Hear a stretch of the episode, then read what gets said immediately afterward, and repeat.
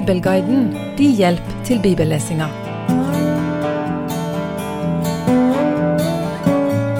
Saul har blitt konge i Israel. Han er utvalgt av Gud, men Gud har òg sagt gjennom profeten Samuel flere ganger at Israel egentlig skulle hatt Gud som konge. Overgangen ifra teokrati til monarki er en viktig overgang beskrevet i første Samuels bok. Hvorfor blir det sånn? En måte å forstå dette på er at det er et uttrykk for Israels stahet. Jeg har allerede antyda at selv om Saul ikke fant farens eselshopper, så kom han hjem igjen som konge over et folk som kanskje har vært like sta som esel. Etter at Saul blir salva til konge, kommer han i profetisk henrykkelse. Men som jeg sa sist gang, så er det å tale profetisk i seg sjøl ikke noen garanti for å beholde Guds ånd over seg. Det har dessverre Bibelen mange eksempler på. Slutten av kapittel ti handler om at når Saul blir konge, og i folkets øyne, og for første gang jubler hele israelsfolket levekongen. Nå skal vi snart starte på kapittel 11, som omhandler krigen mot ammonittene og deres hærfører Nahas. Nahas betyr slange, så en kan kanskje anta at dette var en listig strateg. Men hvem er så disse ammonittene? Ifølge første Mosebok kapittel 19 vers 38 så stammer ammonittene ifra Lot. Lot var sønn av Haran, og Haran var bror til Abraham. Abraham var altså Lot sin onkel. Både Abraham og Lot gikk begge ut ifra Ur i Kaldea. Begge hadde fe og folk og telt. Og i første Mosebok 13 står det at det ble krangel imellom folka til Abraham og folka til Lot. Og det står at Abraham lot Lot få velge hvor han ville slå seg til. Sånn skiltes de, og to store folk utvikla seg begge med utspring i Abrahams far og Lot sin farfar, altså Tara. Folket som var etterkommere av Lot, ble kalt ammonittene, og disse går nå til krig med Nahas i spissen. Nahas betyr som nevnt slange. Vi leser fra første Samuels bok kapittel 11 vers 1. Så dro ammonitten Nahas opp og slo leir ved Jabes i Gilead. Alle Jabes menn sa til Nahas, Slutt en pakt med oss, så vil vi tjene deg. Men ammonitten Nahas svarte dem, På det vilkår vil jeg slutte pakt med dere, at det høyre øyet skal stikkes ut på dere alle. Den vanære vil jeg legge på hele Israel. Da sa Jabes eldste til ham, Gi oss frist i sju dager, så vil vi sende bud rundt om i hele Israels land. Er det da ingen som hjelper oss, så vil vi overgi oss til deg. Byen Jabes i Gilead lå øst for Jordanelva. Folka der ønsker, sånn jeg forstår teksten, en fredsavtale, og de tilbyr å tjene ammonittene mot at freden bevares. Nahas svarer med en fryktelig betingelse, at det høyre øyet skal stikkes ut på alle. At det er det høyre øyet kan skyldes at for høyrehendte så er det høyre øyet mest viktig i krig. Jeg tror at ikke begge øynene skulle stikkes ut, for da ville en vært mindre egnet som slave. Men dette er spekulasjoner fra min side. Uansett et fryktelig krav, som de eldste i Jabes ikke går med på uten å be om sju dager til å forsøke å mobilisere hele Israel. Vi leser videre fra vers fire. Da sendebudene kom til Sauls Gibea og bar fram ærendet sitt for folket, brast hele folket i gråt. Men se, nettopp da kom Saul gående bak oksene sine hjem fra marken. Og Saul sa, Hva er det i veien med folket, siden de gråter? Og de fortalte ham hva mennene fra Jabes hadde sagt. Da Saul hørte dette, kom Guds ånd over ham, og han ble opptent av brennende vrede. Han tok et par okser, hogg dem i stykker og sendte stykkene rundt om i hele Israels land med sendebudene og sa, Slik skal det gjøres med den mannens okser som ikke drar ut med Saul og Samuel. Da falt det en frykt fra Herren over folket, og de dro ut som én mann. Saul har vært ute på ågeren, og han kommer hjem med sine okser når han får dette budet. Han blir igjen fulgt av Guds ånd, og sånn jeg forstår det, så er det nettopp derfor han blir opptent av brennende vrede, som det står.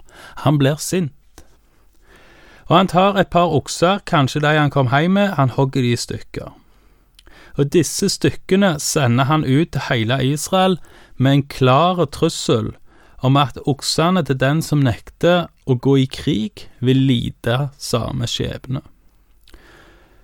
Da kom en frykt fra Gud over folket, og de drar i krig hele gjengen. Legg merke til at folket får beskjed om å dra i krig med Saul og Samuel. Selv om Saul er blitt konge, så virker det som han trenger litt ekstra autoritet ifra profeten ennå, derfor blir òg Samuel nevnt. Vi leser videre fra vers 8. Han mønstret dem i Besek. Israels barn var 300 000, og Judas menn 30 000. De sa til sendebudene som var kommet, Så skal dere si til mennene i Jabes i Gilead, i morgen, når solen brenner hett, skal det komme hjelp til dere. Da sendebudene kom og meldte dette til mennene i Jabes, ble de glade. Innbyggerne i Jabes sa til ammonittene, i morgen vil vi overgi oss til dere, så kan dere gjøre med oss som dere finner for godt. Dagen etter stilte Saul folket opp i tre flokker. I morgenvakten trengte de så inn i ammonittens leir og hogg dem ned til dagen ble het. De som ble tilbake, ble spredt slik at det ikke var to mann sammen med av dem. Da sa folket til Samuel, Hvem var det som sa, Skal Saul være konge over oss? La oss få fatt i disse mennene, så vi kan drepe dem. Da sa Saul, På denne dagen skal ingen drepes, for i dag har Gud frelst Israel. Og Samuel sa til folket, Kom, la oss gå til Gilgal for å stadfeste kongedømmet der. Da gikk hele folket til Gilgal. Der i Gilgal gjorde de Saul til konge for Herrens åsyn. De ofret fredsoffer for Herrens åsyn, og Saul og alle Israels menn gledet seg meget. Saul mønstrer folket i Besek, en by som ikke ligger så langt ifra Jabes, men på den andre sida av Jordan. Så får mennene i Jabes beskjed om at hjelpen er på vei, og at den skal komme dagen etterpå når sola er på det sterkeste, sånn som jeg forstår det. Derfor lyger innbyggerne i Abus til ammonittene og sier at de skal overgi seg dagen etterpå. Saul gjør vel heller ikke helt det han har sagt til Jabes. I Saul sitt sendebud så sier de at hjelpa skal komme når sola er varm, men Saul han angriper med tre flokker under morgenvakten som starter klokka seks.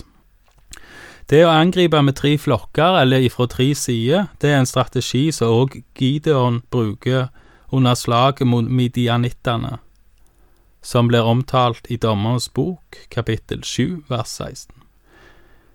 For alt jeg vet, så kan Nahas, altså ammonittlederen, ha hatt spioner rundt omkring. Kanskje han visste at Saul lå i bakhold. Kanskje han òg visste at de skulle angripe dagen etter, men at han trodde det Saul sine budbringere hadde sagt i Jabus, at angrepet kom når sola var sterk. Dette blir spekulasjoner, dette vet vi ikke, men uansett, Saul han angriper med 330 000 mann, og det var trolig alle menn i stridsdyktig alder i Israel på den tida. De vinner, og de dreper sannsynligvis veldig mange. Og de som ikke blir drept, de blir så spredt at ikke to menn er sammen lenger. Denne seieren, den stadfester Saul som konge, og òg at han kan lede i krig. Det ser vi særlig på at folket går til Samuel for å få vite hvem som ikke hadde trua på Saul. Folket vil drepe disse motstanderne. Saul gir Gud ære og nekter å drepe noen av sine meningsmotstandere den dagen. Og som vi skal se i den videre gjennomgangen av Sauls historie i Første Samuels bok, så er kanskje dette toppen av virket til Saul.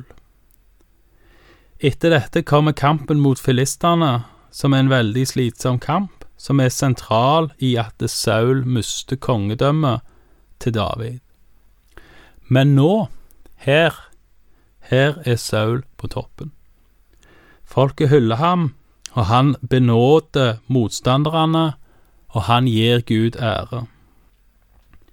Samuel foreslår at de skal gå til Gilgal og stadfeste kongedømmet til Saul der. Der gir de Saul til konge for Herrens åsyn, står der, og de ofrer fredsoffer for Herrens åsyn, og alle Israels menn gleder seg veldig. Og jeg vil si at dette siste verset, altså vers 15, samler Sauls høydepunkt som konge. Folket hyller han. Før krigen mot filistene skal profeten Samuel tale for siste gang til hele folket. Men det får vente til neste gang. Takk for nå, og Herren være med deg.